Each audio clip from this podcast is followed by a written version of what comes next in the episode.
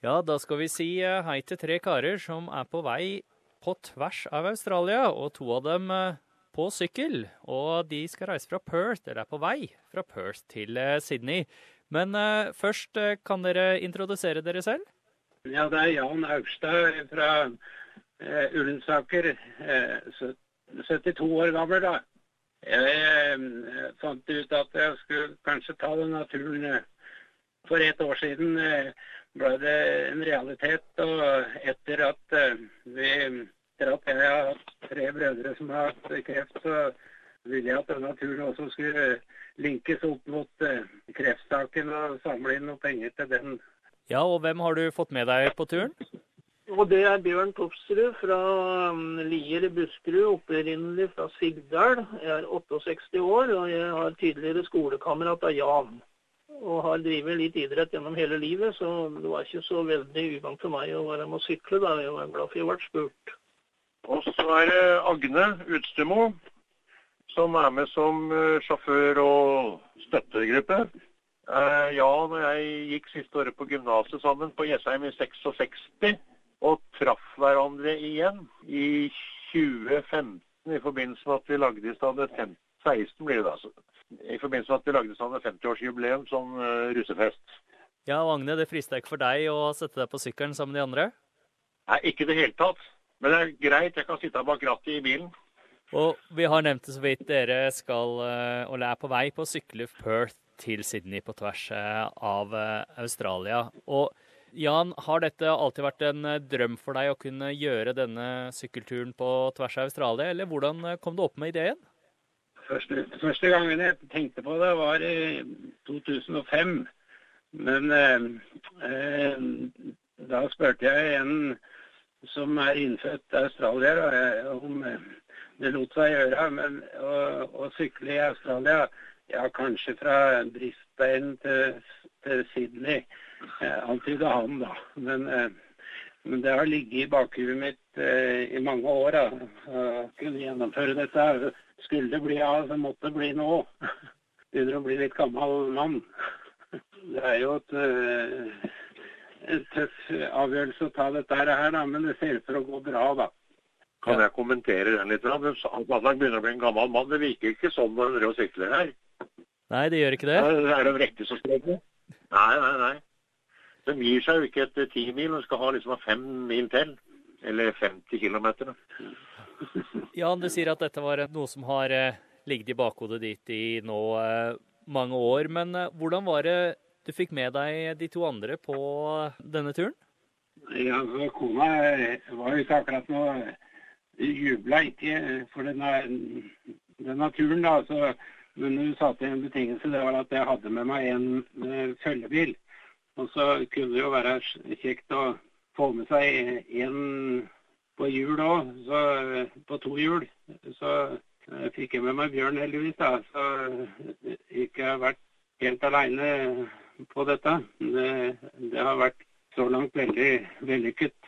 Og Bjørn, hva var det som frista deg med å bli med Jan på denne turen her? Nei, det var jo det fremmede og ukjente, da. Og jeg har jo aldri vært lenger enn til Kypros, for å si det sånn. Så det var litt artig å komme så langt av gårde. Jeg regner med at noe av dette sikkert også er litt av en eh, utfordring, eh, som personlig utfordring, har gjort noe for å se et nytt sted og et nytt land. Men eh, det er en større mening med hvorfor dere gjør dette her også, er det ikke det? Jo, absolutt. For jeg har som sagt tre Jeg har hatt tre brødre, har en igjen da, i live. Det har kreft. Han har kreftdiagnose, han også. Så når jeg fikk med Agne, og, og så har jeg en skolevenninne fra gymnaset som står for organiseringen av innsamlingen og redigering av Facebook i Norge, da, som uvurderlig hjelp. Så jeg syns turen har en, en veldig god uh, bakgrunn og mening. Så langt eh, på turen, for tilbake til selve syklinga. Dere er nå litt over halvveis, så vidt jeg har skjønt. Eh, hva har den største utfordringen vært så langt? Det er motvind og eh, til dels varme en par dager, da. Men ellers så er, har det jo gått greit, syns jeg. Veldig greit. Jeg trodde kanskje etter andre dagen kunne Da så jeg litt mørkt på det, men det har bedret seg for hver dag, for å si det sånn. Dette tror jeg går til mål hvis vi greier å unngå uhell. Ja. Hva var det som gjorde at det så litt mørkt ut andre dagen? Nei, Vi hadde andre dagen eh, med motvind, og det var Da var det tomt dagsnå etter 100 km. Og musklene var stive og greie. Og, men det retta seg fort, heldigvis. da. Nå går jo 100 km uten å trå på gasspedalen, for å si det sånn. Dette er mengdetrening på sett og vis.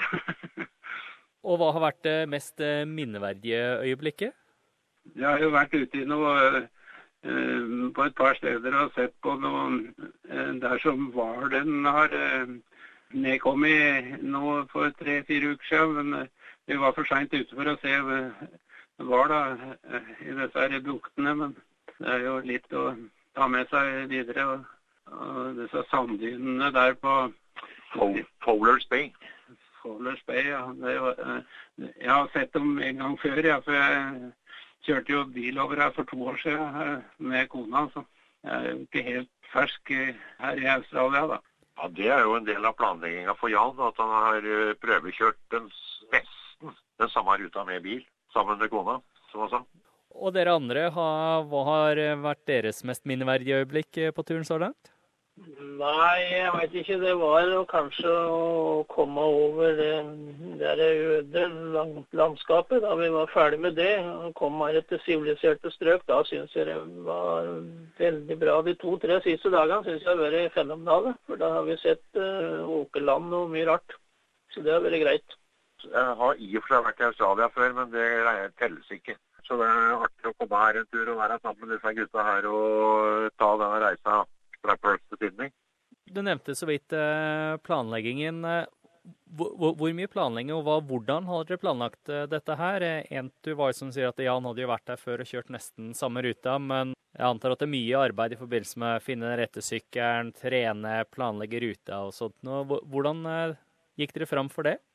Jeg har jo lagt opp ruta det var tidlig på året. da, og, og For å få gjennomført dette, så måtte han jo sitte på sykkelen før han kom hit òg. Så jeg har jo 350 mil, eller 3500 km i Norge da, i forkant av dette. Så det er jo den delen. Og så har jeg hatt god hjelp av Agna og Lillian til å planlegge det rent praktiske med dette med innsamling og Facebook. uvurderlig helt fenomenale folk å ha med å gjøre.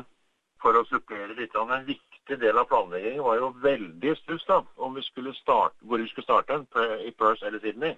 Så Der hadde jeg en god del dagers jobb med å prøve å finne, for det første, hvor jeg kunne finne vindstatistikken.